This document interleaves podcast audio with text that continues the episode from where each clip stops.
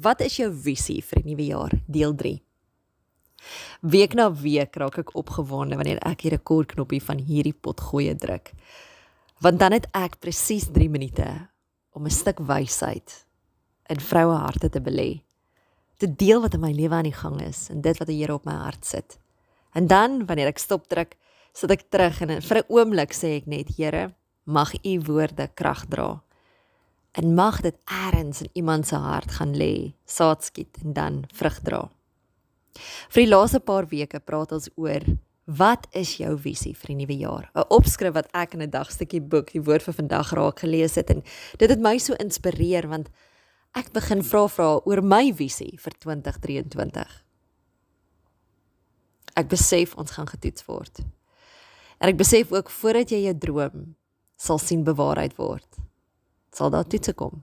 Jy sal sommige van die dinge wat ander mense of wat Bybelkarakters beleef het, ook beleef.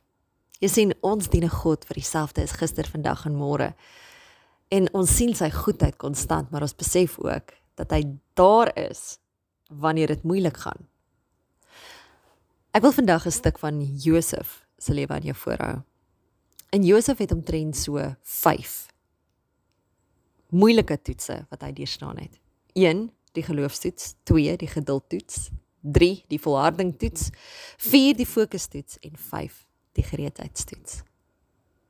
Kom ons unpack dit gou. So Josef het die geloofstoets steur staan. Hy moes sy geloof behou in 'n vyandige omgewing en ander glo in 'n droom waarin niemand anders geglo het nie. Jy weet hy was alleen en hy het geen ondersteuningsnetwerk gehad nie. Is dit hoe jy voel vandag? Is daar mense wat agter bakhande vir jou lag of vir jou sê seniel obsessief. Daar's 'n manier dat sy dit ooit gaan regkry nie. Weet jy's besig met 'n geloofstoets en jy kan dit deurstaan. Die tweede toets wat Josef moes deurstaan is die geduldtoets. Weet sy droom sou nie gou verwesenlik word nie. Hy sou 'n leeftyd daarvoor wag en elke dag daaraan moes vasklou om dit nie te verloor nie. Geduld is nie slegs die hoop wat dinge sal uitwerk nie. Dit behels deursettingsvermoë en geloof in dit wat God beloof het weet Hebreërs 10:36 sê wat julle nodig het is om te volhard sodat julle kan voortgaan om God se wil te gehoorsaam. Dan sal julle ontvang wat God beloof het. Dis hier waar ek wil sê dan sal julle ontvang wat God beloof het. Ek praat net so hard met myself as met jou. Dit gaan oor die volharding.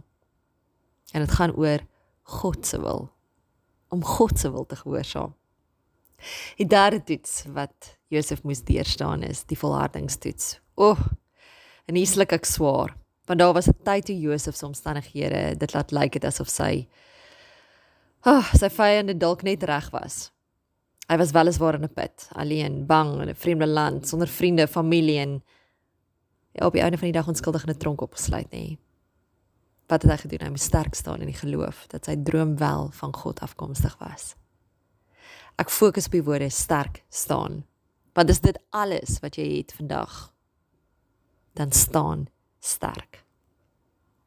Die vierde toets wat Josef moes deurstaan is die fokustoets. Hy moes geduldig seker maak dat hy fokus behou.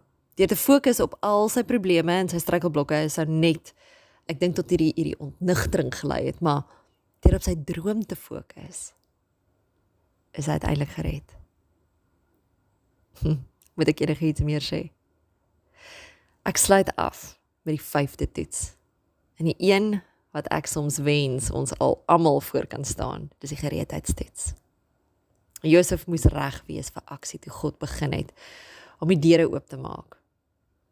Daai negatiewe denke het sy hom blind gemaak het vir die geleenthede.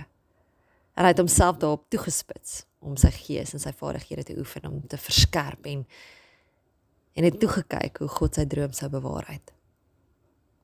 Ek weet nie waar jy in jou proses is nie of die geloofstoets, die geduldtoets, die volhardingstoets, die fokustoets of die gereedheidstoets is nie.